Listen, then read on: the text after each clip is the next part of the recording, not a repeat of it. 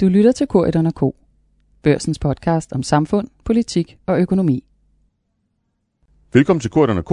Og i denne uge har jeg besøg af noget så øh, sjældent som en ægte levende guru. Øh, nemlig min øh, tidligere kollega Jesper Claus Larsen. Øh, Jesper øh, driver i dag et firma, der hedder Elektrika, mm. hvis jeg har forstået det rigtigt. Det er rigtigt, ja øh, og bedriver øh, vælgeranalyser, øh, både kvalitativt og kvantitativt. Mm. Øh, vi arbejdede sammen i min mørke fortid som politiker. Jeg tror endda, jeg ansat dig på et tidspunkt. Det nu gjorde du, i 2007? Ja, nu er du blevet en, en, en fri fugl, øh, har dit eget firma, øh, virker som, som uafhængig analytiker. Øh, og det, jeg synes var særligt ved dig i sin tid, og det er jeg helt sikker på, det særligt er, øh, det er jo dels, at du har gjort det her i rigtig, rigtig mange år, og så at du både øh, måler, altså laver øh, spørgeskemaundersøgelser, kvantitative mm. undersøgelser, og du så også selv kan finde ud af at lave fokusgrupper, mm. øh, og faktisk sådan sætte noget, noget kvalitativ kulør på, på de tal, du, øh, du finder. Så velkommen Jesper. Tusind tak, og tak fordi jeg måtte være med. Jamen, øh, det måtte du meget gerne, fordi det, jeg gerne ville bruge dig til i dag, det var at prøve at svare på nogle af de spørgsmål, der har øh, drønet rundt i det politiske Danmark øh, siden øh, sidste uge, mm. siden kommunalvalget, øh, hvor altså rigtig mange øh, har jo spurgt ind til, dem, hvad, er det, hvad var det egentlig, der foregik relativt, øh, relativt øh, voldsomt valgresultat. Mm. Øh, og jeg tror begge to, vi ved, at, øh, at det har man selvfølgelig holdt taktikmøder om i, i partierne. Ja. Øh, og nogle steder nok lidt mere øh, knude stemning end andre. Det tænker jeg også. Øh, og det er jo også sådan, at analytikerne har prøvet at forstå, hvad, er det egentlig, hvad var det egentlig, vælgerne sagde til, til os ved det her valg. Øh, du har øh, målt på, på det. Mm. Øh, så lad os prøve at, at få indsigt øh, i, i nogle af de ting, som, øh, som ellers øh, kun sådan rigtig diskuteres med data bag, bag lukkede døre. Vi kan starte med, med det her med øh, Socialdemokratiets ret kraftige tilbagegang. Øh, statsministeren sagde på, på valgaften, at, øh, at det tilskrev hun primært øh, lokale forhold, og måske i et vist omfang sms-sagen. Øh, øh, hvad er dit bud? Altså er det lokale, øh, lokale forhold, er det noget øh, forbigående, eller er det nogle dybere trends, vi ser spille sig ud her? Jamen altså, man kan sige, et eller andet sted, så skal vi jo altid tage udgangspunkt i, at, at uh, udgangspunktet for kommunalvalg er jo naturligvis altid, at det handler omkring det lokale, og det er 98 uh, øh, særskilte valg i 98 mm. særskilte kommuner. Mm. Når det så er sagt, så hvis vi kigger, hvis vi kigger på det i sådan lidt uh, længere perspektiv, uh, i hvert fald sådan et, et, et halvt år før kommunalvalget, ja. så står vi jo rent faktisk i en situation, hvor man må sige, på, på landspolitikken har vi jo set en, et, et Socialdemokrati, som jo har været uh, altså gående tilbage faktisk siden uh, mere eller mindre foråret. Mm. Og det vil så sige, at landspolitisk har vi en, en, en negativ øh, tendens, som i en eller anden grad spiller ind på kommunalvalget. Ja, det men, der, men der vil mange, altså sådan af, af spinatfuglen, de vil jo sige, ja ja, men, men det var jo fordi, at det var kunstigt højt oppe øh, under, under corona. Øh, altså man kan jo ikke permanent ligge så højt, og selvfølgelig falder det tilbage til sådan et eller andet mere stabilt niveau. Er der, er der mere end det på spil? Jamen, der er jo, altså, fordi hvis vi går ned og kigger på vælgerbevægelserne, så er der jo faktisk en, øh, en, en, en strukturel, hvad skal man sige, øh, en strukturel, en strukturel skred øh, væk fra Socialdemokratiet til fordel for både partier på, på ven, til venstre og, og højre for Socialdemokratiet. Mm. Og det som jeg, altså, og grunden til, at jeg kalder det strukturelt skred, det er fordi, at et eller andet sted, så tror jeg allerede, jeg, jeg, jeg sagde det dagen før valget, og jeg sagde det i hvert fald også dagen efter valget, at her har vi grundlæggende at gøre med kommunalvalg, som jo meget øh, særligt egentlig kommer til at sætte præmissen for det folketingsvalg, som vi kommer til at skal have enten i, i 22 eller ellers senest i 23. Mm. Og det siger jo med udgangspunkt i en, en i hvert fald et forsøg på en forståelse af, hvad er det egentlig, hvad er det egentlig vælgerne har fortalt os, at, mm. at valgets tale skal være. Ja, og hvad er det, vælgerne har fortalt os? Jamen, vælgerne har fortalt os øh, flere forskellige ting. For det første, så har vælgerne fortalt os, at hvis vi sådan isoleret set øh, ser på Socialdemokratiet, mm. så har de fortalt os, at Socialdemokratiet har øh, af mange forskellige årsager øh, hvad skal man sige, forladt øh, store dele af vælgerbefolkningen i de store byer, øh, og det har man sådan set også taget ad notam mm. når man snakker vælgerne i de store byer. Det vil ja. sige, der, der, der, der har vi et skred der. De har og, hørt budskabet. De har hørt budskabet, men de har jo også, og det synes jeg jo egentlig, at sådan er det altid ekstremt vigtigt, i, når man arbejder med vælgere, de har sådan set også sat sig i bevægelse. Der er kæmpe stor forskel på at høre budskabet, og så sige, nå okay, øh, jeg, jeg tager en for holdet, og så egentlig sætte sig i bevægelse og gøre noget andet. Og ja. det kan man så sige, det, det her med at sætte i bevægelse, det snakker jeg bare både om, at man kan lave et andet partivalg, Men man kan også, og det ved jeg jo også godt, har været i talesat i forhold til Socialdemokratiets valgresultat, man kan jo også vælge at blive hjemme, ja. Ja. hvis det er det, man har lyst til. Ja. Men de store byer går Socialdemokratiet jo sådan gennemsnitligt 10% tilbage. Mm. Øh, får jo måske øh, det mest problematiske valg i København, hvor man ender på de her øh, 17 procent Mm. øh, tilbage fra, fra 27. Det som, det som, grunden til, at jeg kalder det strukturelt, det er jo også fordi, man, man er også nødt til at se det på, på den måde. Hvis det var, at det her ikke var en strukturel bevægelse vælgermæssigt i, i, i forhold til nogle særlige vælgergrupper, så ville du ikke have set, at det var alle de fire største byer, hvor man gik så markant tilbage. Nej. Så det siger jo noget omkring, at vi analytisk er nødt til at gå ind og så sige, hvad er det, for det første, hvad er det specifikt for nogle vælgergrupper, det her handler om? Mm. Der er ikke nogen tvivl om, at det, øh, altså, det siger jo det sig selv, øh, storbyvælgere, det handler om, om forholdsvis øh, højtuddannede vælgere, mellemlange, øh, lange videregående uddannelser, det handler meget om de unge Mm. mm. vælgere, og så handler det meget om nogle vælgersegmenter, som er dem, som vi ikke øh, ser så mange af uden for de store byer. Mm. Øh, og der har, der har Socialdemokratiet bragt sig selv i en position, hvor man rent faktisk ikke taler til, den, til, de, her, til, de, til de her vælgergrupper. Mm. Det, som man så også kan, kan sige, det er, så har der jo været en diskussion omkring, når man har det været meget de lokale forhold, øh, der øh, i øh, de givende kommuner egentlig har spillet ind. Naturligvis har du, kan du sagtens føre bevis for, at der i nogle kommuner rent faktisk har været nogle lokale forhold, som spillede ind på den enten siddende socialdemokratiske borgmester eller på øh, spidskandidaten Mm. øh, i forhold til at udfordre en, en eventuel venstreborgmester eller konservativ borgmester. Det, som man bare også må konstatere, det er, at der har vi igen en struktur i, i vælgersammensætningen, der gør, at det her er noget, som Socialdemokratiet er nødt til at forholde sig til også fremadrettet. Det her kan man ikke kun, hvad skal man sige, tilsidesætte som lokale, som lokale forhold. Så, så altså strukturelt, og, og noget, der handler om, om, om store byer. Men er der, er der andre strukturelle faktorer på? Altså er det- bare, kan vi skære det ned til, at der er nogle mennesker, de fire store, øh, største byer i Danmark, som har forstået, at der er et, et regeringsparti, som øh, sagt lidt pænt har nogle andre prioriteter Mm. mm. øh, end, end, end lige deres øh, lokalområde. Og så er det det.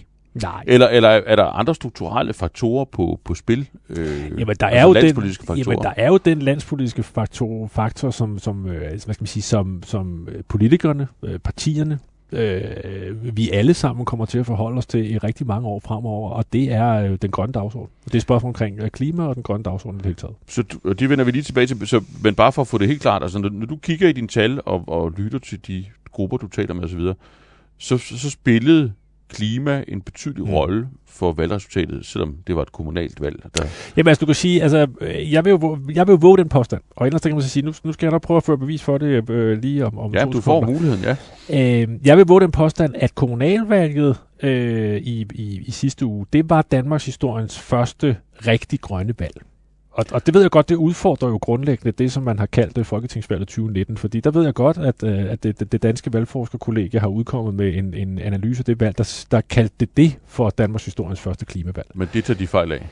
Jamen, det tager, altså man kan sige, de tager, de tager jo ikke fejl af det, forstået på den måde, at i 2019, så diskuterede vi rigtig meget klima. Det Ja. var sådan forholdsvis højt på vælgernes dagsorden, men går vi ned og kigger på, hvad der afgjorde 2019-valget, så var der ingen som helst vejgreb i spørgsmål omkring klima. Altså, det flyttede ikke vælgere. det flyttede ikke vælger. Og, og mit perspektiv på, på, på, hvad skal man sige, på resultatet af 2019-valget, det var sådan set, at de vælgere, som, hvad skal man sige, som, som havde klima højt på deres dagsorden, og hvor klima og den grønne dagsorden i det hele taget øvede en eller anden form for indflydelse på deres valg, Mm. de havde sådan set besluttet sig partipolitisk meget, meget langt ude fra selve valgdagen. Det vil sige, de havde sat sig allerede et halvt år, et år, måske to år før, og havde placeret sig der, hvor de skulle være.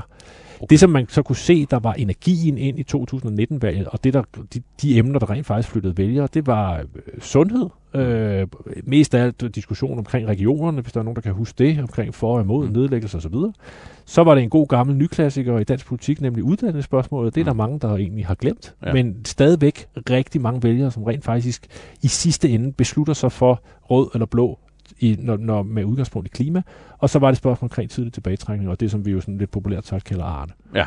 Det, det var de tre, tre faktorer, der isoleret set flyttede vælgere. Altså udlændinge og, og sundhed og, og, og tilbagetrækning. Ja. Men, men så her, kommunalvalget, når du kalder det det første rigtig grønne valg, er det så fordi, at, at, de, at klimaspørgsmål, de grønne, øh, den grønne dagsorden, den flyttede vælgere i kommunalvalget, Mm. øh, efter, din, altså efter dine analyser? Det gjorde den. Og, og man kan sige, ellers så kan man sige, så, så kan man, man, man kan ligesom prøve at angribe det på flere, på flere måder. For det første, så, så kan vi så sige, hvad var det for en, hvad hvad var det for en diskussion, hvad var det for en styrke af den her dagsorden, som vi så kommende ind i det, som vi kunne kalde de sidste tre ugers valgkamp i forhold til mm. kommunalvalget. Det vil så sige, altså plakaterne blev hængt op den 23. oktober, og det er sådan nogenlunde 3-4 uger før selve valgdagen. Det er der, hvor vi sådan grundlæggende går i kommunalvalgkamp.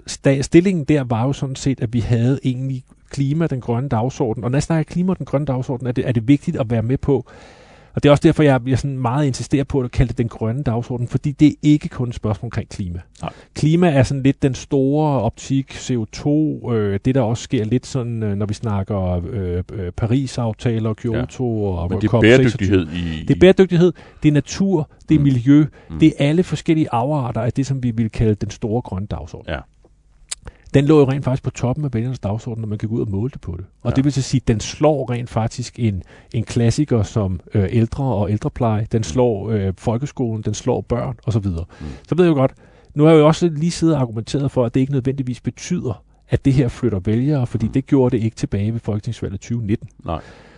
Det, som jeg så gjorde, det var at så sige, jamen, øh, det her giver anledning for mig til at sige, der er et eller andet i gang her, fordi hvis vi går tilbage til 2017 kommunalvalget, mm.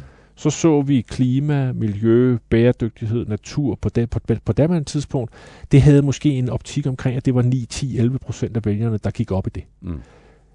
Kommende ind i selve de sidste tre uger, der har vi 42 procent af danskerne, der siger, at klima, den grønne dagsorden, er vigtig for dem i forhold til det forestående kommunalvalg. Mm. Det er en betydelig forskel. Ja. Så det viser noget omkring noget omkring den der, sådan, hvad skal man sige, perceptuelle styrke, der er i spørgsmålet. Det, som jeg så gjorde, det var, at jeg øh, rundt omkring valgdagen, på selve valgdagen og, og, og dagen efter, der gik jeg ud og spurgte øh, danskerne, hvad de havde stemt med udgangspunkt i. Mm. For simpelthen at sige, jamen nu har du været nede og, og tage et valg, du har været nede og gøre et partivalg, du har måske også været nede og lave et personligt valg nede i stemmeboksen. Nu sidder du hjemme i sofaen, det er et par timer siden, øh, så rammer jeg dig, og så spørger jeg dig, hvad var det egentlig for nogle overvejelser, ja. du gjorde dig i forhold til at Og det er mere robust, end, end når man måler før stemmeafgivelsen? Ja, men man kan sige, det er, jo, det er jo i hvert fald der, hvor man må sige, at vi er i så meget kontekst, som man, som man absolut kan være, når vi ja. snakker analyser, men stadigvæk skal vi jo også være ærlige her i, i, i det her program, og så sige, vi er jo stadigvæk afhængige af, at folk svarer rigtigt, altså ja. svarer sandt, ja. øh, og ikke, ikke på den måde efterrationalisere. Ja. Men det er nok det tætteste, vi kan komme det på. Og hvad sagde de? Jamen, de sagde jo, at, øh, at en tredjedel af danskerne havde været nede og, til, og hvad skal man sige, en tredjedel af danskerne sagde, at øh, klima og den grønne dagsorden, som, som den der brede grønne dagsorden, øh, havde øvet enten en afgørende eller en høj grad af indflydelse på deres stemme. Mm. Men så vil, hvis, hvis du nu sagde det til, gætter jeg på, vi kender dem jo begge to mm. en lille smule personligt, du sagde det til, til en af estratererne, så vil de sige, at det, det, det er fint nok, men, men, men, øh, men vi ved jo, at de her vælgere, hvis de, jo, altså, de går måske nok meget op i klima, og måske mere og mere op i klima, men hvis de forlader S, så kan de kun løbe over til et af vores støttepartier. Så det behøver vi ikke at bekymre os så, så vanvittigt meget om, og så, så bliver det SF, Enhedslisten eller de radikale i stedet for. Hvad, altså hold den hypotese, når du kigger på vandringerne. Nej, det gør den faktisk ikke. Det gør den det ikke? gør den faktisk ikke. Øh, det er jo rigtigt nok, at hvad skal man sige, traditionelt set, så ja, øh, så er det den vandring, man vil se. Så vil man se, at, at, at Socialdemokratiet skralder af til venstre, og så, hvad skal man sige, så har man stadigvæk den position, hvor Socialdemokratiet positionerer sig tættest på midten, og det vil så sige, at man stadigvæk gør, hvad skal man sige, står i en situation, hvor man er i stand til kommende ind, for eksempel i næste folketingsvalg, og hive forhåbentlig nogle, nogle, øh, nogle, nogle blå vælgere over midten. Og så kan man mm. sige, så, så kan man godt, så kan man godt leve med, at man skralder af til SF og Enhedslisten, ja. fordi det bliver på Så må de løbe med den grønne dag. Ja, ja, og det er jo der, hvor man også er nødt til lige at forstå, at, at, at det her game, øh, som vi sidder og snakker om, det, det handler jo først og fremmest om at komme øh, øh, i 50,1 mm. scenariet. Mm. Altså forstået på den måde, jeg har, jeg har nok på blokken til ja. rent faktisk give fint nok, så er det også der har serveretten. Ja. Og så må man jo fordele, øh, så må man jo fordele gevinsterne bagefter. Ja. Øh, så, så den kalkyle er jo sådan, er jo sådan rimelig kølig. Ja. Det, som vi bare kan se på vælgervandringerne, det er jo, at det ikke det er ikke det, der entydigt sker. Der sker en afskralning for Socialdemokratiets vedkommende øh, til venstre for mm. Socialdemokratiet, men der sker rent faktisk også en afskralning over midten, og det vil sige for eksempel til sådan nogen som de konservative. Mm. Og de konservative er i stand til, i hvert fald også i nogle af de, de større byer, de er i stand til at hive nogle socialdemokratiske stemmer på baggrund af den grønne dagsorden. De er stand til at hive ja, det er de. grønne socialdemokrater, om, det er om, om de. Nu kan sige, nu er, vi jo, nu er vi jo nede i der, hvor det er sådan lidt the dark arts. Ja, ja, ja. Jamen det, dark det, så lad os lige stoppe og komme tilbage til det, fordi lad os lige runde af med, altså der var jo, der var jo et parti mere, som tog sig en ordentlig mm. losing, ikke? Mm. Øh, Og det er Dansk Folkeparti. Øh, altså sådan helt Mhm. trykket ned i noget, der, der, der minder øh, sådan en, en trussel mod deres eksistens. Ja, det må man sige. Hvor løb de vælgere hen? hen? Altså, de, de, dem har man kaldt for sådan de gule vælgere øh, Ja. i, i, sådan, i, i lingoen på Christiansborg. Ja. Øh, er det fordi, at der simpelthen er blevet færre gule vælgere, eller er det fordi, de har fundet et andet hjem? Jamen for det første skal man jo forstå, at, at, at der har jo været, altså historikken med Dansk Folkeparti øh, er jo egentlig, øh, altså kommunalvalget er der, hvor historikken, som vi har set med Dansk Folkeparti, sådan rent vælgermæssigt siden øh, 2015-valget, folketingsvalget i, i 2015, Mm. mm. egentlig kulminerer. Ja. Fordi det har jo været en lang lidelsesrejse øh, for Mm. Dansk Folkeparti sådan vælgermæssigt siden 2015. Ja. Det kan vi altid, det kan vi altid lave en helt, et, Ja, anden, det laver vi et, i en helt anden andet program om. Ja, ja. Men det, der er, er perspektivet sådan vælgermæssigt med Dansk Folkeparti, når vi snakker kommunalvalg, det er jo, man taber jo, og det tænker jeg også, at, at, at der er en hel del lyttere, der allerede sidder og tænker, at naturligvis gør man det, man taler, jo- taber jo en del til Nye Borgerlige. Ja. Og det er jo selvfølgelig også den, hvad skal man sige, det er jo den funktion, som, som Dansk Folkeparti og Nye Borgerlige ligesom har i forhold til hinanden. Når, når Nye Borgerlige får det her pæne kommunalvalg, som de gør for første Mm. gang, øh, øh, øh, så, så, så er det jo en direkte konsekvens af, at, at Dansk Folkeparti står dårligt. Men det, som vi jo også kan se på Dansk Folkepartis øh, øh, tilslutning, det er, et, der er en del af, hvad skal man sige, Dansk Folkeparti-vælgere, som vælger at blive øh, væk. Det vil Mm. sige, øh, der har øh, det her med valgdeltagelsen en eller anden form for, for indflydelse på dem. Jeg tror ikke nødvendigvis, det har så meget med corona at gøre, men det har mere, noget at gøre med, med partiets position og, ja. og de problemer, de har. Så taber man øh, en lille smule til, til venstre, og så, øh, og så giver man en lille smule øh, over midten til Socialdemokratiet. Så det, det, Det er, den, det er den essens, det- der er det. okay. Men der skal man også tænke på, altså det, det, det er jo også... Altså grunden til, at historien omkring Dansk Folkeparti er så interessant, som den er, det er jo også, at, at, at i 2017 kommer man fra et valg på 8,8. Øh, man bliver mere end halveret. Det vil sige, Ja. ja. man er nede, hvor man kan sige, hvor vi også sådan rent vælgermæssigt må sige, at, at det er ikke engang et spørgsmål omkring, at man har været i stand til at holde på det, som vi naturligt ville kalde kernevælgerbasen. Nej.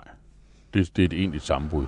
Men, men lad os prøve at komme tilbage til, til dine dark arts, og det der med de Ja. ja. 50,1, for det er jo trods alt det, der, der afgør, hvem der regerer øh, Danmark. Altså må jeg, må jeg prøve at, at, at åbne lidt op for de øh, analyser, du laver? Altså, Mhm.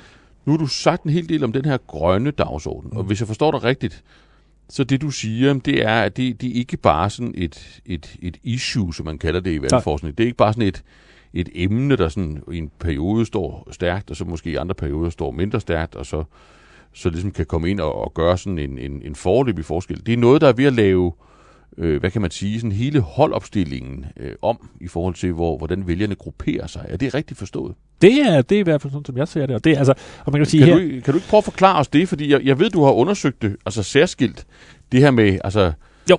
den grønne dagsorden og, Jo. og de grønne vælgere. Altså, hvor mange, hvor mange er der? Jamen, øh, jamen ja, der, altså et eller andet sted vil jeg jo måske sige, øh, at der er flere, end man tror. Øh, er flere, end man tror? Ja, også fordi et eller andet sted, fordi jeg, jeg tror Og de jo, er forskellige, eller hvordan? De er meget forskellige, men ja. jeg tror, man er nødt til at angribe det på den måde, at, at egentlig at perspektiv, perspektivere det derhen, hvor man kan sige, øh, jeg plejer at bruge et eksempel, der hedder, hvis man, hvis man udelukkende går ind og kigger på, hvad der foregår på de sociale medier, Ja. øh, og, og, og den diskussion, der er omkring klima og alt det grønne Ja. og bæredygtighed osv. der, så vil man få den umiddelbare fornemmelse af, at danskerne er van- vanvittigt polariseret, øh, og vi egentlig er enten er ret sure, Ja, øh, stor eller, surlejr. Ja, og så er der, og så er der nogen, der, der egentlig bare vil ud og leve i de svenske skove, Ja. ja. sådan som vi gjorde for en stor tusind- økologisk lejr. Ja, Ja, ja. Og, så, og, og så resten er nok bare ligeglad. Ja. Øh, sandheden er, at hvis, du, hvis, hvis vi går ind og kigger på det datamateriale, som, som jeg har arbejdet med over det sidste, øh, i hvert fald års tid, og måske også halvandet, så viser det et helt andet billede. Okay. Øh, og det viser et billede af, at vi jo, vi har, øh, jeg, jeg, jeg plejer at kalde det 10-80-10-scenariet. 10, 80, 10. 10-80-10-scenariet. Okay. Vi har 10 Hvad er de første 10? Hvem er det? Jamen, de første 10, det er dem, som grundlæggende har adopteret alt, hvad der hedder grønt, og bare vil leve så bæredygtigt som overhovedet muligt, og sådan set ikke kan komme, hvad skal man sige, ikke kan komme hurtigt nok frem til, at vi reducerer så meget, som det overhovedet er muligt. Ja. Det er de første 10 Og hvor det trumfer alle andre hensyn. Det trumfer alle andre hensyn, og det er også Yes. yes. rigtig mange af dem, som jo har været nede og stemme med udgangspunkt i det grønne, når vi snakker for eksempel kommunalvalg. Ja. Så har vi øh, de andre 10 procent. Det er dem, som grundlæggende... Det er ikke sådan, at de fornægter spørgsmål omkring klima og den grønne dagsorden, men øh, et, øh, de er ikke særlig interesserede i det. To, de gider grundlæggende heller ikke høre særlig meget om det. Nej. Øh, tre, de vil sådan set gerne have lov til at køre i deres benzin, øh, dieselbiler, leve som de gør. Mm. Er der ikke andre ting, der er vigtigere? Ja. Det er, det er også 10 procent. Ja. Inde i midten, der har vi 80 procent. Ja. Og det er jo øh, et, det er jo, det er jo et stort silent majority, kan man så sige, Ja. fordi de 10%, eller de 80% er interessante, fordi dels de er så mange, Mm. men dels rent faktisk også er vælgere, som har adopteret et grønt perspektiv. Så det tavse, det store tavse midterflertal ja. i Danmark er ved at blive grønne. Er det Ja. det, du siger? Jamen, jeg plejer, jeg, plejer, jeg plejer at sige det på den måde, at og nu inkluderer jeg sådan set også øh, de, de 10 plus de 10 procent. Ja, ja. Og nu, nu ved jeg godt, at nu bliver det lidt, nu bliver det lidt besværligt. Men hvis vi kigger på danskerne som helhed, og hvad der er sket over det sidste, øh, lad os bare sige det sidste år, ja. eller det seneste år, så er vi i dag i en situation, hvor alle danskere, uanset om man er med eller mod, øh, hvad man synes, der skal gøre, hvad man synes, der er de rigtige prioriteringer, om vi skal gøre noget overhovedet osv., alle danskere har det, som jeg kalder et sprog for klima og den grønne dagsorden. Mm. Det vil sige, at alle har i en eller anden grad adopteret et eller andet perspektiv omkring, at der er et eller andet her, som vi er nødt til at forholde os til. Men hvordan ser det så ud i forhold til de 50,1? Altså den der kunst at bygge en, en flertalskoalition. Altså nu vi går tilbage til, til den, den kalkyle, som jo ligger bag ved, Mm. ved de magtstrukturer, vi har i Danmark i, i dag. Så er altså sagt sådan lidt, lidt kort, så er kalkylen vel, at det vigtigste, det er at vinde de gule vælgere. Øh, det er at vinde dem på hård udlændingepolitik. Mm. Det er at vinde dem på en, en, en dagsorden, der i meget høj grad handler om, om det her med, med regional balance og velfærd. Mm. Og så det grønne, det, det, må, det, det er fint nok, men det må på en eller anden måde underordne sig de her dagsordner. Og så, og så, og så, så kan man ligesom, altså det, det kan man bruge til at booste nogle partier til venstre for Socialdemokratiet, inklusive de radikale. Holder den kalkyle ind mod næste folketingsvalg, eller, eller, eller udfordrer de tal, du kigger på, øh, udfordrer de muligheden for at tælle til 50,1 på det grundlag? Jamen, nu skal jeg jo passe på, at jeg ikke lægger mig ud med den øh, samtlige danske øh, politikerstand og, Det er, og vi, partier. kan og så garantere for din sikkerhed her. Nej, men altså, fordi jo, i den, i den, hvis jeg må være så fræk at sige, i den traditionelle øh, gamle tænkning, mm. så, så ville det der være rigtigt. Ja. Øh, Udfordringen for, for partierne i dag er, at, at, at spillebanen er en anden i dag. Mm. Og, og, og grund til, at jeg siger det, det er, at øh, lige så vel som, som udlændingepolitikken og udlændingsspørgsmålet var, var, var den definerende kraft i dansk politik i, i, i nullerne og også et langt stykke op gennem tierne. Øh, og hvis vi går længere tilbage, jamen, så, havde vi jo, så havde vi jo grundlæggende noget fordelingsmæssigt, som, som op igennem 80'erne og 90'erne var, var den drivende kraft. Mm. Så står vi nu i en situation, hvor det, som der kommer til at være den drivende kraft op igennem 20'erne og langt ind i 30'erne, det bliver klima og den grønne dagsorden. Mm. Og det er man nødt til at forholde sig til, fordi klima og den grønne dagsorden er gået fra at være et spørgsmål omkring, altså da vi arbejdede sammen øh, i, øh, i, i nullerne inde på Christiansborg, Bjarne, der, der, var, der, var, der klassificerede vi jo grundlæggende klima og miljø som sådan en mere værdimæssig dagsorden. Præcis. I dag er den ikke, jo, den er også værdimæssig, men i dag er den jo blevet en, også en fordelingsmæssig dagsorden. Ja. Og den er blevet, det som, det som jeg tror, du vil kalde, den er blevet rigtig politik Mm. fordi at den grundlæggende jo også kommer ind og, og, og, og, og skaber en situation, hvor vi bliver nødt til at lave, vi bliver nødt til at, at prioritere anderledes, vi bliver nødt til at omfordele med udgangspunkt i den grønne øh, dagsorden, vi bliver nødt til at hvad skal man sige, bruge rigtige penge Mm. i forhold til at løse den her problemstilling. Ja. Og det gør den jo til en helt anden dagsorden i politisk obs- Ja. ja. observans, end det her med, forstå mig ret, og sagt i anførselstegn her i, i podcasten, en blot at skulle tage en position til det, og have en holdning til det. Ja. Nu begynder vi rent faktisk også at måtte, måtte gøre noget ved det. Ja, det går ligesom i indgreb med, Ja. med, med det, der plejer at være sådan Og det, som vi kan se... og svær politik, ikke? Ja, Ja, og det, her, det- der har med penge at gøre. Ja, ja, og så- præcis. Ja, præcis. Og det som, vi, det, det, som, det, som vi kan se i det data, som, som, som jeg sidder og arbejder med, det er, det er jo, at vi kan, vi kan definere en række øh, særskilte vælgersegmenter ud fra, og vi kan sige, nu skal jeg nok lade være med at trække forklaringen i langdrag, Ja, men vi, vi er nysgerrige. Jamen udfordringen ja. med den grønne dagsorden, og det er sådan set også, øh, tror jeg, interessant for lytterne, øh, og, og, og det er sikkert også noget, de har, de har oplevet. Udfordringen med den grønne dagsorden er, at den er så flygtig, som den er. Og, og Mm. når jeg mener flygtig, så er, det, så er det jo spørgsmål omkring, den har så mange indgange og udgange, og den er, den er ekstremt fragmenteret i forhold til, at du kan være i en omstændighed, der diskuterer du ud fra sådan et bæredygtigheds øh, Ja. ja. Så kan du øh, være i en anden omstændighed en time efter, hvor du diskuterer ud med, altså ud fra, hvor mange skove har vi i Danmark, Ja. og hvad betyder det? Ja. Og så kan du tage den helt op på de høje navler, og så sige, skal vi have nul emissionszoner, fordi vi sådan set også skal gøre noget for CO2, og bla bla bla. Ja, ja. Det betyder, at den er ekstremt flygtig at få, at få greb om. Og Mm. det er sådan set også det, som, som, jeg, som, som er både også folketingsvalgkampen frem Men, men det er vel også det, der gør, at man har kunne gøre det til en følelse i lang tid. ja, ja, altså, præcis, men, præcis, præcis. Men er det, du siger, at, at, at det, der, det, det flygtige, som han har, før han har kunne gribe som værdipolitik, det skal man nu gribe som rigtig politik igen i citationstegn? Altså, at man skal begynde at løse det, ligesom man løser økonomiske kriser? Ja, og du skal eller, faktisk, du, og du står i en situation, hvor du faktisk skal balancere det både som en, en, en stærk værdipolitisk markør, men rent faktisk også som en helt konkret øh, fordelingsmæssig markør. Og, så, så det du siger, bare så jeg forstår det, det du siger, det er, at der blandt de 80 procent her, altså der, det fylder mere på, mm. på deres checkliste, Mhm. mm. og de efterspørger noget andet end, end bare altså, øh, sweet green talk, altså, øh, om man så må sige. Jamen, hvis vi kigger på, på danskerne generelt, så er der, øh, så er der øh, to, eller, øh, to ud af tre, det vil sige øh, 65-66 procent af danskerne, som efterspørger et meget klart øh, grønt lederskab fra de danske politikere. Mm. Og det vil så sige, nu begynder, nu begynder vi jo, sådan, hvis vi kan lægge de der tal sammen og så videre, så begynder vi jo også at sige, jamen det her er jo ikke kun de 10 procent, som er grønne, Mm. Eller øh, x antal, som lige præcis har tænkt sig, at, at der er et eller andet grønt perspektiv. Det her er jo rent faktisk to tredjedel af den, af den samlede danske vælgerbefolkning, Mm. som har en efterspørgsel. Der er det samme antal vælgere, som rent faktisk har, hvad skal man sige, et, et, et perspektiv på at så sige, man vil gerne, man vil gerne faktisk ændre adfærd. Man vil gerne gøre noget i forhold til det grønne.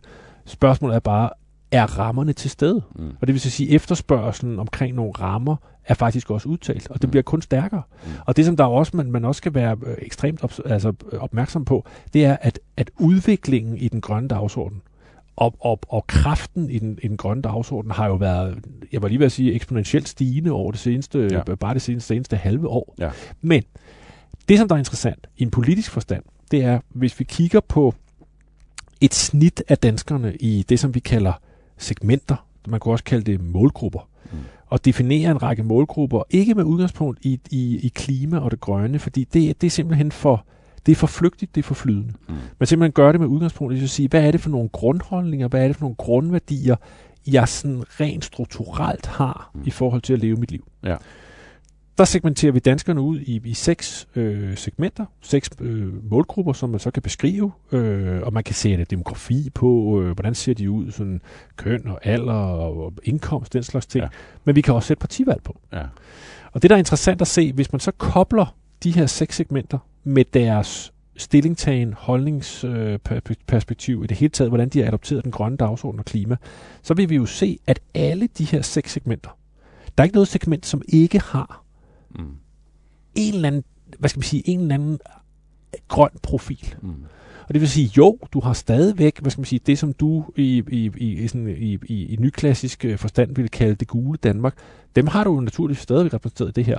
Men det, der er det interessante her, det er, at selv de, hvis jeg må lov til at sige det på den måde, har rent faktisk adopteret Mm. et grønt perspektiv ind i, hvad skal man sige, deres måde at anskue dansk politik på, deres måde i en eller anden grad at gå til det her med, hvad er, hvad er de rigtige prioriteringer? Ja.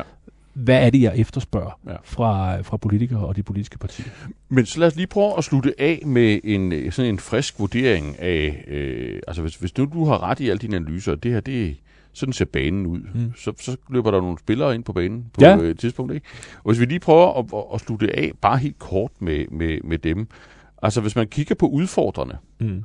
øh, de, de blå partier, øh, altså hvor, hvor, i hvor høj grad har de så ligesom øh, forberedt sig på at række ud efter det her, det her vælgerpotentiale, som ifølge dig kan afgøre næste folk. Er de, altså, er, har de positioneret sig til at udnytte den mulighed, eller er der stadigvæk, og det, du kan jo sige det høfligt og analytisk, det er jo ikke noget med sympati eller antipati at gøre, men eller er der stadigvæk altså, et stykke arbejde foran dem, hvis de vil, hvis de vil gribe øh, dybt ind i de her 80 procent? Jamen det er, der er, der er et meget stort arbejde foran dem, Mm. mm. uanset om det så er, altså, skal man sige, i, i den sammenhæng må, må man jo ligesom sige, at pilen peger meget på venstre, og den peger selvfølgelig også naturligvis en, en hel del på de konservative. Mm. Mm. Om det så er i et, et, et, et fælles øh, greb, eller det er de to partier hver for sig, eller et af dem, det, det, det, det kan man sige, det, det, kan, det kan udspille sig på forskellige vis. Men lige nu er der jo ikke, det, det som man også skal forstå omkring vælgerne og, og hvad skal man sige, deres øh, perspektiv på, på klima og den grønne dagsorden, det er jo lige nu fortæller vælgerne og politikerne, der er ikke nogen, der har, øh, hvad skal man sige, førerpositionen Nej. på den her dagsorden. Og det vil sige, at den er grundlæggende lidt op for grabs. Ja. Øh, naturligvis er der rigtig mange, som øh, lige nu kigger på Socialdemokratiet og på regeringen, fordi det Ja. trods alt er dem, der er Så, så regeringen. lad os prøve at tage dem. Altså, hvor, hvor langt skal de... Altså, hvor langt skal de egentlig rykke sig for at komme i synk med... med, med altså, jeg, jeg gætter på en meget grøn nytårstale. Lad os Mm. bare tage det vedmål. Mm. Det tror jeg, vi får. Mm. Øh, og, og jeg gætter også på en række initiativer øh, efter nytår, som vi kunne betegne som, som grønne. Altså Mm. flere penge til det, det ene og det andet initiativ. Sikkert også noget i finansloven. Mm. Men, men er, det, er det ligesom på, på den skala, er det nok til ligesom at få sig... Eller, eller skal der mere til? Jeg tror, der skal, jeg tror, der skal, altså, hvis du, hvis du, hvis du, øh, hvis du meget markant skal, skal træde ind i øh, betydelige vælgergrupper, øh, baseret på den grønne dagsorden for Socialdemokratiets vedkommende, så er du, så er du nødt til at gøre noget, som er øh, meget mere øh, tungt og, Mm. og, og, og, og markant, end det, som man umiddelbart ville tro, de ville gøre. Men er man så endt i et dilemma fra regeringspartiets side, hvor man kan sige, at man, skal faktisk strække sig ret, ret langt for at få fat i de, i de grønne sving- eller midtervælgere, og, og risikoen er, at man så taber nogle af de gule, hvis man, hvis man tager springet.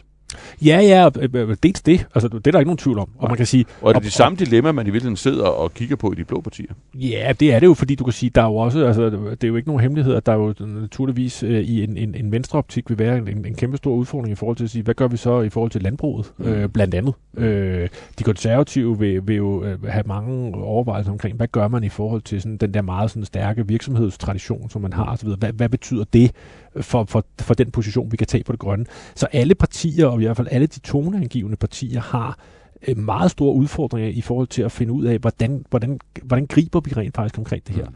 Men det, som jeg også synes, der er, er, er, er meget vigtigt at forstå, øh, og, og det gælder sådan set både for, for Socialdemokratiet og for, for Venstres vedkommende, hvis vi lige skal, kan sige, at det er de to, der er hovedmodstanderne, så er det, så er det jo dels det her med, at, at politik er jo også, altså politik er jo et nulsumspil i sidste ende, forstået på den måde.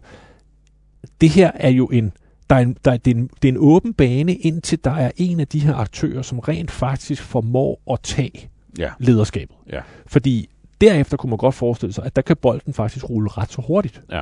Det, som man så også er nødt Så, til... så bare så jeg forstår dig rigtigt der, det vil sige, du, altså alt efter hvem der faktisk fanger den her dagsorden mm. ind mod næste folketingsvalg, så ser du for dig en pæn sandsynlighed for ret store øh, vælgervandringer. Ja, altså også grønne fordi, vandringer. ja, også fordi man er nødt til at forholde sig til den anden ting.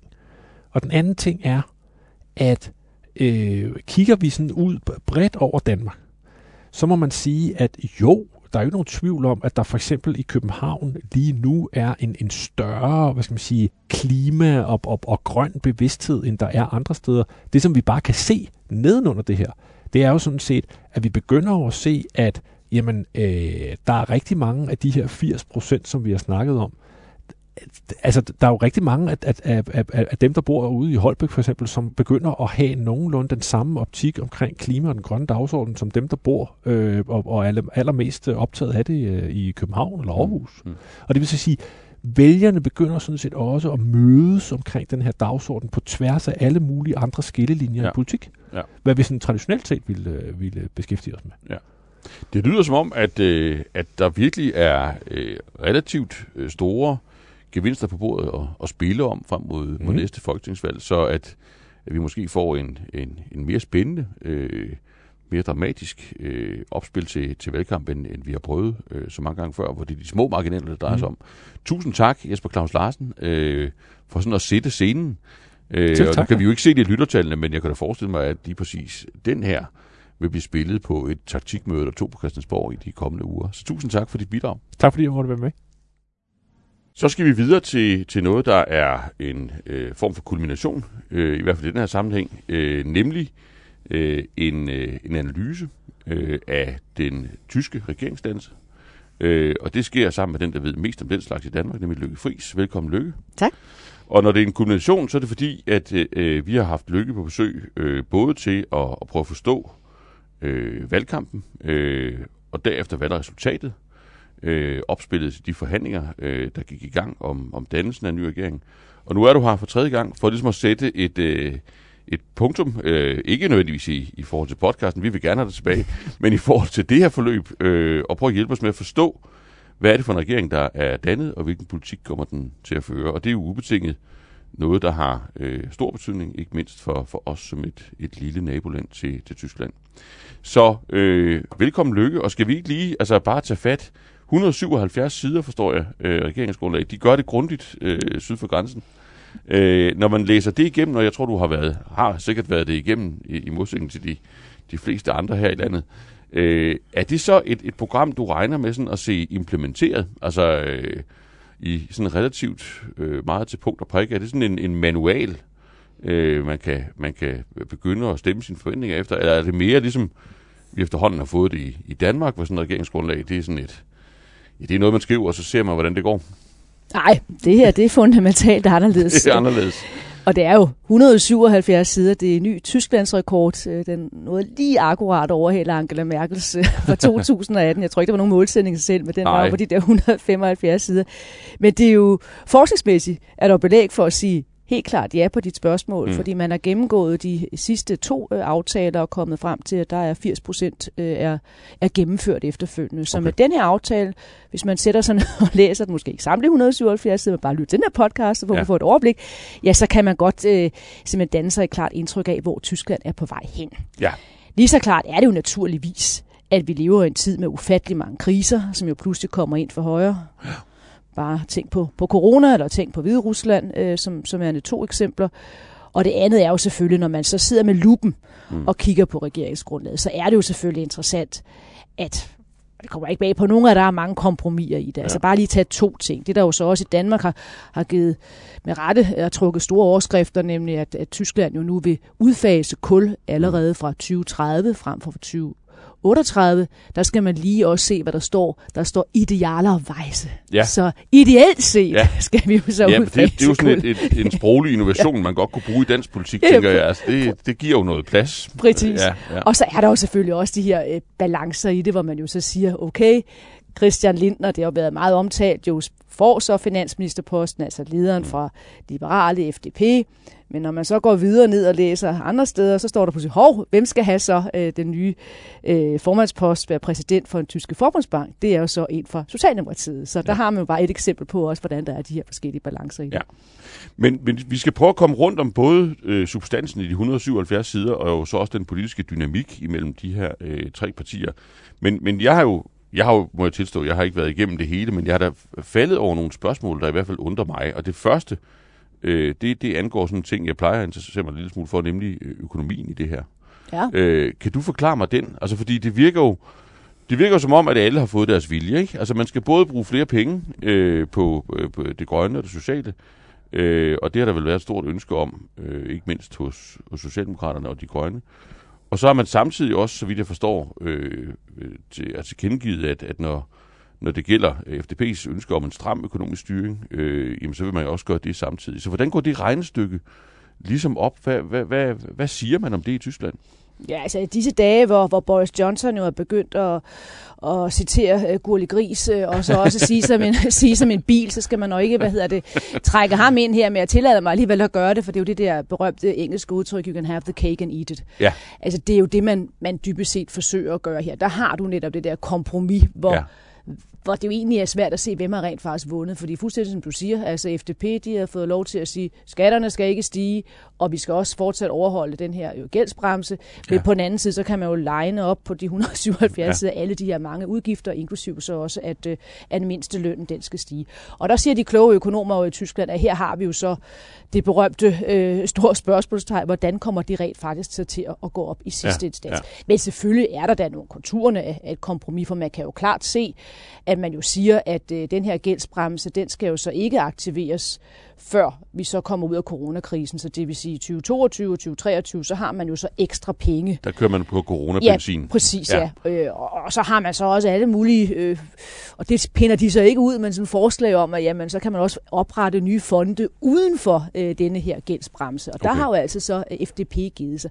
Og det tror jeg altså er virkelig vigtigt for forståelsen også herhjemme i Danmark. Christian Lindner er jo lidt blevet øh, sådan portrætteret som sådan en, en, en virkelig en, en hardliner, Ja. og der var jo også dengang, da, da han var ved at danne regering sidst øh, for fire år siden, hvor Emmanuel Macron øh, jo skulle have sagt, at tænker jeg på på, på Christian Lindner om natten, så berøves jeg min nattesøvn. Gammel, gammel ja. Heinrich Heine-digt. Ja. Altså, når man så ser, hvad han har sagt i dagene, øh, lige dagen efter, at det er blevet vedtaget, der siger han jo faktisk, Tyskland kan ikke opføre sig som et lille nordisk land.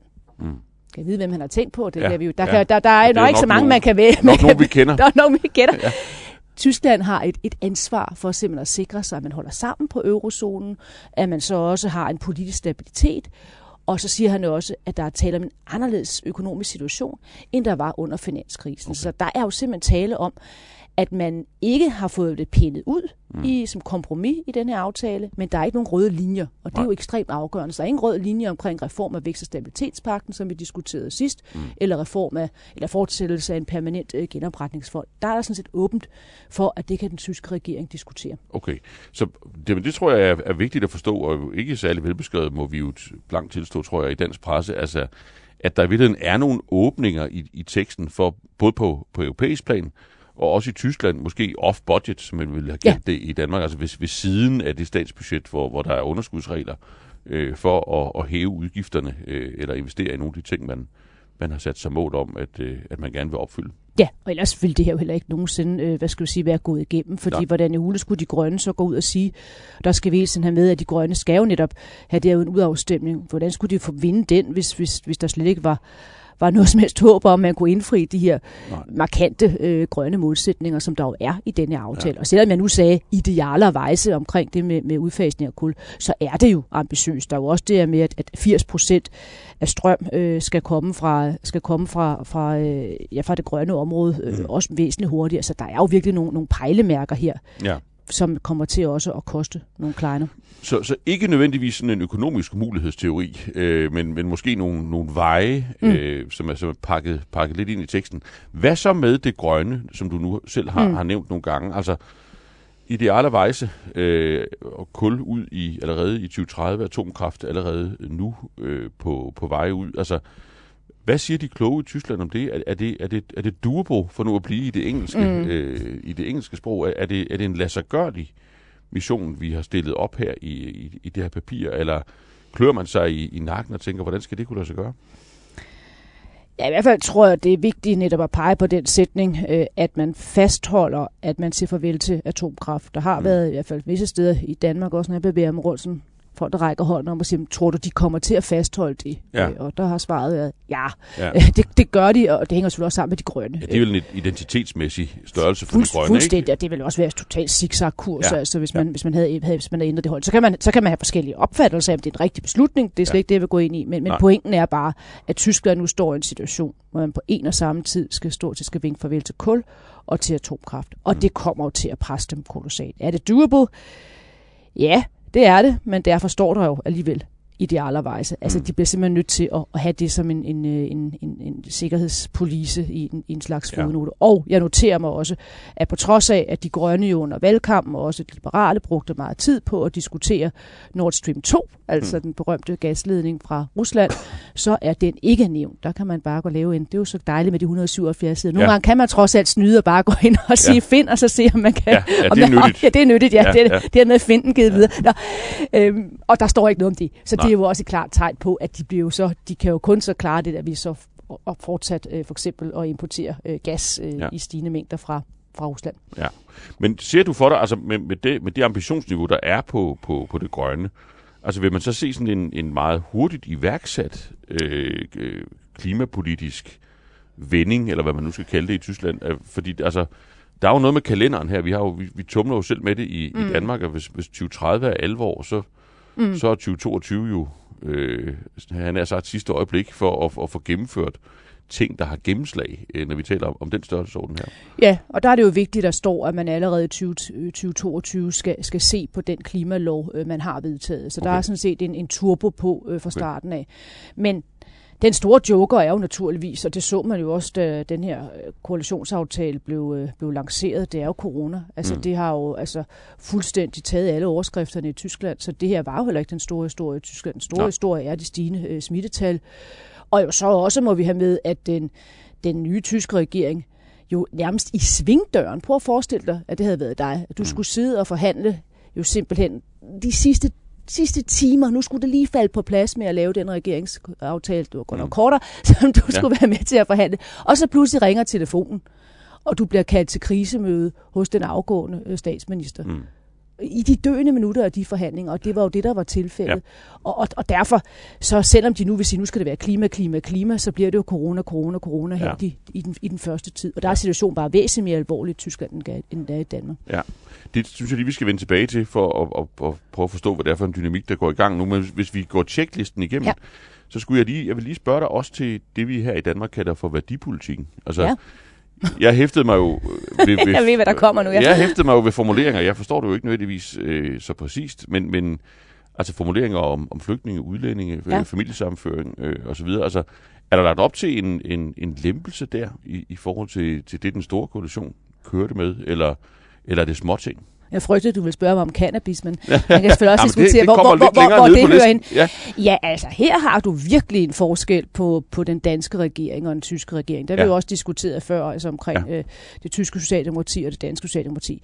Altså her, jeg, jeg påstår ikke nu her, at man, man ruller, øh, ruller alle øh, de her stramninger tilbage, man har lavet øh, under, øh, under Merkel, og ikke mindst CSU, det var jo deres mm. mærkesag. Men noget af det, der var ved at få den, den øh, sidste Merkel-regering slet til at kunne træde til, det var jo regler omkring familiesammenføring. Præcis. Og det var også ved at få den regering til at presse sammen, tror jeg, en halvt år inde, inde i deres regeringstid. Det ruller man altså tilbage. Nu bliver mm. det altså væsentligt lettere så for familiesammenføring i Tyskland. Og det er der substans i? Altså, fordi det er der substans hvis, i, ja. Hvis det nu havde været Danmark, så altså, skal man ja. på med de der analogier, så havde det jo været, altså det havde jo været trukket store overskrifter, tror jeg, roligt man kan sige, her i, i landet, hvis man forestillede sig et ja. regeringsskifte, der, hvor man lempede familiesammenføringsreglerne markant. Ikke? Ja, øh, jeg vil så også sige, at det har TDU jo så også prøvet, øh, mm. men øh, nu åbner vi så en ny, ikke flanke, men en ny del af den her podcast, ja. Ja. som nok også fører til en ny følgetong. ja, det var, hvad, sker det var det, der, der med de, hvad sker der med de tysk konservative? Og, ja. og det vil, de står jo simpelthen, da den her aftale kommer, de jo i gang med deres debatter om, hvem der skal være en ny formand mm. efter Armin Laschet. Men de var der ude og markere sig på, på migrationsdelen. Øh, det er den ene. Den anden del er, at det bliver væsentligt lettere at kunne få tysk øh, statsborgerskab. Mm. Øh, så det er jo også afgørende, kan man ja. sige.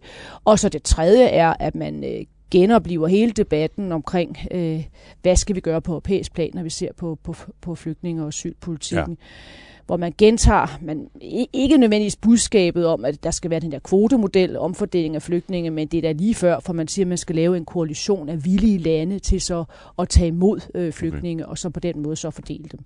Så der kommer altså også nogle, nogle, nogle spændende diskussioner. Der er Danmark så ganske vist forbehold, men, ja. men, men desto mindre er det jo interessant, at, at tyskerne nu i hvert fald i modsætning til det danske socialdemokrati, altså fastholder, at man godt kan, kan blive et regeringsparti, og, og også sætte fokus på det, uden at skulle, skulle foretage en stramning ja, af, ja. af flygtningepolitikken. Men det lyder bare som om, at, at der næsten er så meget substans i, i, øh, i den her udvikling, at, at det kan få sådan en eller anden betydning også for tilstrømningen. Uh, altså det, det lyder som om, at Tyskland igen bliver et mere attraktivt land at søge imod, øh, hvis man, altså hvis man øh, altså er uden for Europa og og er i en situation, hvor man, hvor man overvejer sine muligheder. Det er der jo mange mennesker, der, der gør, øh, om man så må sige. Ikke? Altså, er det, altså er det noget, man... Altså, har man pakket det ned i, i aftalen og sådan smuglet det lidt med øh, ind blandt alt det grønne og alt det nye, eller, eller er det noget, der fylder også, når man præsenterer det, man vil øh, for den nye tyske regering?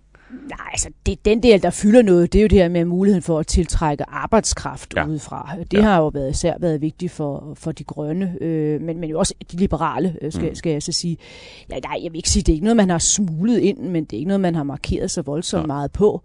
Men, men det er jo det her med, altså det var jo den diskussion gående på, øh, kan det ikke super alle i samtlige detaljer, men altså hvornår skal man være i stand til at få familiesammenføring? Skal man også få det, hvis man ikke er politisk forfulgt? Mm det er den del af det, man nu siger, ja. det skal man have mulighed for. Ja. Så er det jo ikke sådan en ladeport, man åbner på nogen som helst måde, men, men der er nogle klart, der, når man ser på, hvor, hvor meget det har fyldt i tysk politik, så er mm. det selvfølgelig interessant, at man simpelthen lige ændrer det, øh, som man skændtes godt og grundigt ja. om med, med konservativ og socialdemokratiet. Ja.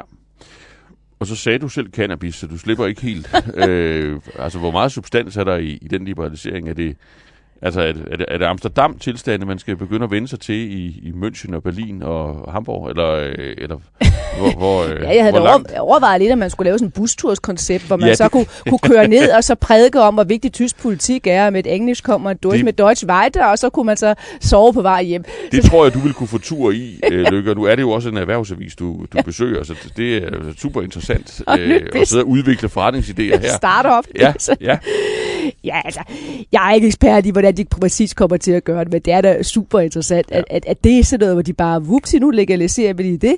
Og der har jo været natter debat om det, mm. altså i løbet af Ja. valgkampen. Der er også den her med, at de pludselig siger, okay, nu sætter vi valg, valgalderen ned til 16, øh, afskaffer et, et forbud øh, mod at gøre reklame for, for abort, som har været fyldt kolossalt meget i katolske kredse. De gør nogle ting, som, som bare sådan fra den ene dag til den anden, også med statsborgerskab, Ja. ja. at det bliver lettere. Der, der, og det har der ikke været en stor debat om, men det har de altså sat sig ned og, og blevet enige om at, at gøre. Så hvis man opsummerer det, så, så er der faktisk et værdipolitisk øh, ryg gemt i, i det her regeringsgrundlag, som man, som man må forvente gennemført i praksis. Ja, men selvfølgelig er det altid sådan med tysk politik, at nogle af de her ting vil jo kræve, at man har forbundsrådet med sig, altså delstaterne. Ja. Og indtil videre er det sådan, at der har øh, de jo ikke flertal, altså de her ampelpartier, som man jo siger på tysk, altså SPD, De Grønne og FDP. Mm. Og der, og nu kommer vi igen til følgetong, det vil jeg sidde og invitere mig selv, Ja, men der er jo fire delstatsvalg næste år. Der skal være valg jo så i Slesvig-Holsten, i Saarland, i Nordrhein-Westfalen og i Niedersachsen. Så virkelig afgørende, hvis vi lige skiller mm. Saarland fra, men tre afgørende delstater. Og det vil jo også forrykke magtfordelingen. Så det skal vi jo selvfølgelig også holde øje med, fordi hvis det lykkes for SPD jo så, hvad det pt. tyder på, både kunne vinde øh, Slesvig-Holsten og så også øh, Nordrhein-Westfalen, og så fastholde Niedersachsen, så begynder det at se rigtig godt ud for dem over i, øh, i forbundsrådet. Og det vil jo afgørende også for de her klimating, der skal igennem. Der skal du også flertal over i forbundsrådet. Så de skal grundlæggende vinde nogle store delstatsvalg for at få en, en nøgle til døren, Ja. der, der sådan låser op Ja. for at gennemføre mange af de her ting. Ja, og der er det jo selvfølgelig interessant, at der er kaos i den borgerlige lejr. Der er bag den borgerlige lejr derovre. Godt. Fordi så lad os, lad os, gå, Godt. lad os gå videre til... Det ved jeg ikke, om er Men godt. Nej, nej, men det er en god bro til at, at, at gå videre til at diskutere den, øh, den politiske dynamik mm. øh, i, i Tyskland. Du siger, altså den borgerlige lejr er, øh, er under en form for rekonstruktion, eller, eller hvordan? Ja, det siger jeg i høj grad. Ja. ja. Altså, de har jo nu, øh, nu gået i gang med at skulle blive enige om, hvem der skal være øh, formand for de konservative. Der er tre kandidater. Friedrich Merz, det er For tredje gang. Ja, Ja. for tredje gang, ja, det er Ja. utroligt. Nå, altså tidligere gruppeformand tilbage fra 2002, Norbert Røttgen for anden gang, tidligere mm. miljøminister, og øh, formand nu for Udenrigspolitisk Nævn, og den tredje er så Helge Braun, der, der er den nuværende kanslerminister, som det jo hedder, altså leder af Angela Merkels øh, statsministerium, dybest set øh, hendes, hendes højre hånd som slags kompromiskandidat. Ja. Mit bud er, at de kommer ikke igennem i første runde, så skal man ud i anden runde, og det vil sige, så er vi henne ved 24. januar, før man så kan få en ny øh, formand for, for TDU. Mm. Og så kommer de første valg, de kommer jo allerede der i løbet af foråret. Ja. Så, og, og det gør jo bare, at, at de borgerlige mister, mister momentum, og man ser på målingerne nu, så, så går de altså markant tilbage i de her delstater, jeg allerede øh, har nævnt. Okay. Og det giver jo så den nye regering noget, øh, kan jo give den et afgørende momentum, mm. men igen, corona er bare den, den, Mm. den, den, store, den store joker for dem. Fordi der må man bare sige, at det var ikke nogen drømmestart, denne regering fik, fordi at de jo i de uger, hvor de sad og forhandlede, jo faktisk sagde, at man ikke var nødt til, man, man ikke var nødt til at gribe ind over for det stigende smittetryk. Mm. Så når man taler om en, et trafiklys, øh, det kender vi jo som bilister, så skal det jo helst, det skal jo helst fungere, når man Ja. kommer ned til det. Ikke? Altså det, det er et ret surt show, hvis, hvis, det, hvis det slet ikke lyser. For hvad Mm. gør man så? Ja. Øh, og det var jo dybest set det, det gjorde. De kunne ikke blive enige om noget, og så udskød de det hele. Og da de så endelig vedtog en lov, så har de allerede nu været nødt til for at få den igennem og sige, den skal vi kigge på igen her den, øh, den, den 10. december. Og der viser nye målinger, at tyskerne siger, at næsten 70 procent, det er simpelthen ikke godt, når I bliver nødt til at gribe ind før det. Mm. Hvad der heller ikke måske, det er jo så, at øh, når man kommer ned til sådan et øh, lyssignal, det har jeg ikke prøvet selv, men at det lyser samtlige farver. Ja. Og, og det er der jo lidt en fare for, kan man Mm. sige, på nogle af de her punkter, fordi de har jo så alle sammen fået noget. Mm. Øh, og øh, altså bare til det med skatterne, ikke? Altså skatterne, de, må, øh, de måtte ikke stige. Øh, det, var der, det, det, det var der nogen, der gerne ville have. Mm. Øh, og hvad det lander man så med, så lander man faktisk ikke på noget, kan Nej. man sige, fordi SPD jo, sagde, FDP sagde, at de måtte ikke stige, og SPD, de ville have, at de skulle gå op, og så landede det jo så med ikke noget. Mm. Og det kan man også pege pensionsreformer, man jo så heller ikke kommet igennem. Men der er en række ting, hvor ja, det kommer til at kigge. der har man frosset alting fast. Ja, præcis. Ikke? Ja. Så, så den, og jeg synes, det var lidt interessant at se her, da, da, man, da de grønne så skulle blive enige om, øhm, om deres ministerliste, det skulle de jo så øh, jo sådan fra natten mellem torsdag til fredag, mm. så brød fløjkrigen pludselig ud mellem Realos og Fundis. De har jo mm. ellers haft fred ja. de sidste mange år, for de har også et formandskab, der begge to er fra Realo-fløjen, som ja. er altså en real politiske fløj, Annalena Baerbock og Robert Habeck. Men så pludselig de så ville udpege kun ministre fra denne øh, Realo-fløj, øh, og ikke nogen fra Fundi-fløjen, mm. så var der altså ordentligt øh, raballer. Øh, og det vil der jo også komme på mange af de her emner. Og jeg forudser det også, at der vil være en del grønne vælgere, der er eller medlemmer, der er frustreret over, at der står idealervejs, ikke? Ja. Også frustreret over, at man, man ikke fik øh, det her klima, øh, det der klimavetoret, som de gik til mm. valg på, at samtlige love, de skulle simpelthen gennemgås, og, og så skulle man stoppe dem, hvis de på en eller anden måde ikke var, var i overensstemmelse med, med Paris-målsætningen. Ja. Og der er heller ikke meget, når vi ser på, øh, på transportpolitik, øh, og det var også lidt interessant, at, at transport og digitalisering nu er sådan blevet, blevet blandet sammen, og det der store digitaliseringsministerium, som FDP vil have, øh, mm. øh, det, det kom så heller ikke. Så der er jo selvfølgelig ja. de her kompromiser på kompromiser, og det gør jo så, at der vil være en fare for, at nogle gange, når man kommer, skal køre, altså viser det bare ikke nogen farve, fordi så, eller, eller alle farver, fordi så skal man først blive enig om, hvad er det rent faktisk, man vil. Men lad os lige prøve at, at, at slutte der, fordi hvis, altså, du, du beskriver meget godt, at der er en, en form for, for vindue mm. øh, for den her regering, fordi modstanderne øh, ja. ligger ned. Ikke? Og, og, det gælder jo da også de linke. Ja. Øh, der er også, der er også de ligger stor, også ned. De ligger også ned og skal have nyt form. Alle skal have ny form, ja. det skal alternativt for Dodgerne jo det også. Ja. Så der er virkelig Så der er sådan et vindue, hvor man kan bevæge sig hen og få fat i nøglerne også til forbundsrådet. Øh, ja. Men, men, men omvendt så afhænger det vel af, af sådan den indre dynamik i den her mm. regering. Og, og det, det er måske der, det, det kunne være spændende at slutte. Ikke? For nu har jeg jo selv haft fornøjelsen af en treparti-regering, og det mm. blev, var der relativt lange møder, man skulle holde den øh, en gang imellem for at, at nå øh, til, til en form for enighed. Hvad er det for en dynamik, man vil se i den her regering? Altså, finansministerposten er gået til FDP, øh, og, og altså, Socialdemokraterne er jo, har jo primært kanslerposten at, at kæmpe fra, og og de grønne har så fået nogle af de poster, der handler om, om den substans, de går op i. Mm. Men altså, vil, vil man se sådan øh, et, et, et rivegilde øh, løbende omkring de her lidt uklare kompromiser, eller er det en, en, en regering, der kan lave forretninger med hinanden? Ah, der vil jeg sige, at, at det tror jeg altså godt, de kan. Og det tror jeg, jeg, har været, kan. jeg har været ret imponeret over det her forløb. Man kan jo sige, som, når man nu er nørd, så vil man jo godt have alle de der detaljer med, og, ja. følge det løbende, hvem er nu op og slås med hvem under sådan en, øh, under sådan en koalitionsforhandling. Ja. Der er intet, der ja. er kommet frem. Altså, de har fuldstændig haft lukket lokaler, og der er ikke nogen, der har lægget noget, når man tænker på, at de sidste mange år med kriser i den tyske mm. regering, man har kunnet læse det hele i Bildzeitung, altså ja. på, på live-ticker. Altså, her har der intet været. Det har været dybt, dybt imponeret dybt imponerende. Og man kan jo så også sige, at det er jo også en regering, der jo i den grad er tvunget til at få det til at fungere. Når vi ser på kriserne, vi har mm. allerede nævnt corona, vi kan også nævne forhold til Kina, Rusland, hvad sker der med USA? I en fodnote, når man er i Tyskland, som jeg har været de sidste par dage, et af de andre store samtaleemner, det er jo, at man frygter, at Donald Trump kommer tilbage, og ergo bliver man også altid allerede nødt til at foruddiskutere det, når man skal udvikle sin europæiske politik. Man kan ikke bare satse på, at, at, at, øh, at Biden han fortsætter, han fortsætter for evigt. Så presset udefra vil være ekstremt afgørende for, at de bliver enige. Og så er det jo også sådan, at Christian Lindner, det er virkelig ham, vi skal holde øje med, han er jo også tvunget til at stå nu med en succes.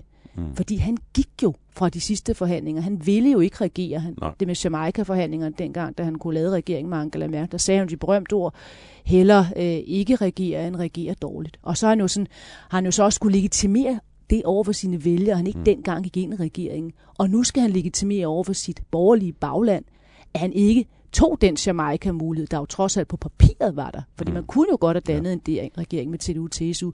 Og derfor så også noget af det mest interessante med den her pressekonference var, at det lancerede, at han simpelthen nærmest altså forhærligede Olaf Scholz. Han sagde sådan noget med, vi har under dette forhandlingsforløb lært en helt ny Olaf Scholz at kende. Mm. Der er hans indre kompas og, sit, og så videre.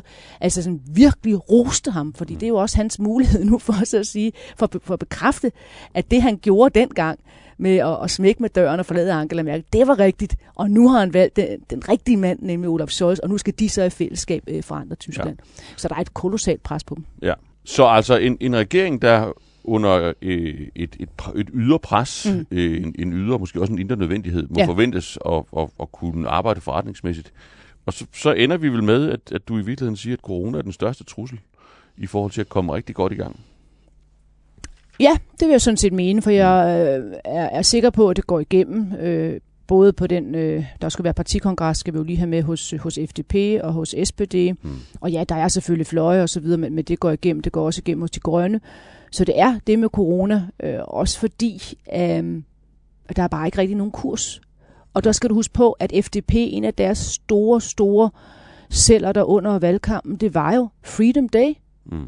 Og det lovede de jo også. Det lovede de den 27. oktober, gentog det det, at den 25. november der Freedom Day. Ja. Og nu sidder man altså i en situation, hvor en liberal, en liberal parti, en liberal leder, der jo i den grad sagt, der kommer ikke, nu skal vi lære et ord, impfpligt to mm. gange pH efter hinanden. Ja.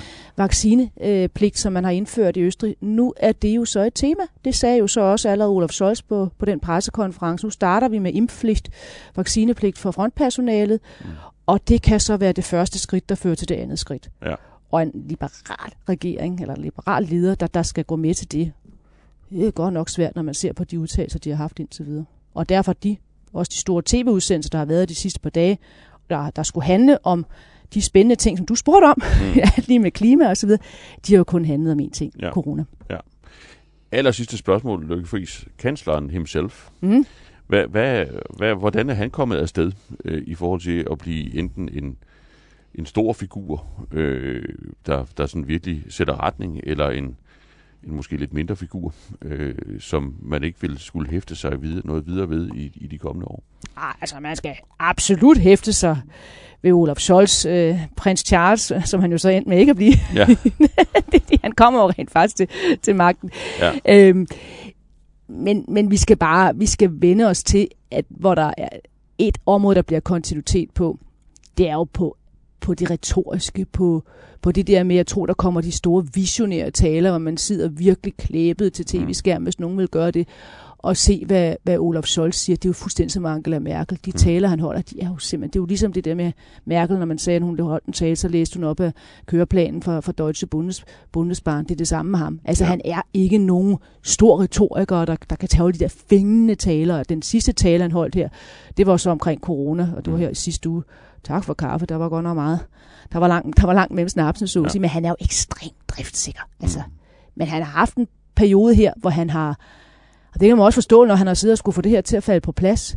Men samtidig det der coronatog bare bulret, så det har været interessant at se hans egen, hans egen nogle af hans egne aviser, så at sige, eller for hans, for hans område Hamburg, de havde sådan et stort billede af ham på, Fermist, altså dybest set en, en, en efterlysning, hvor du henne? Ja. Øh, og det har virkelig, det presser ham. Nu skal han, nu skal han altså udvikle den her øh, strategi vedrørende corona, og det skal komme meget, meget hurtigt, fordi smittetallene ser meget alvorligt ud. Bare her til morgen for eksempel, der begynder man nu med, ved hjælp af tyske flyvevåben jo så at, at transportere øh, covid-patienter og så fra, fra München og Sachsen op øh, til, til Nordtyskland eller, eller Niedersachsen osv.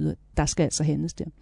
Det lyder som om, vi bliver nødt til at invitere dig øh, tilbage. Der var tusind, tusind, uden gurlig gris. ja, uden gurlig gris. Tusind tak for besøget, Lykke Friis. Det var så lidt. Tak fordi du lyttede med på Korridoren K. Vi håber, du lytter med næste gang. Og indtil da, så giv os gerne en anmeldelse i din podcastplayer.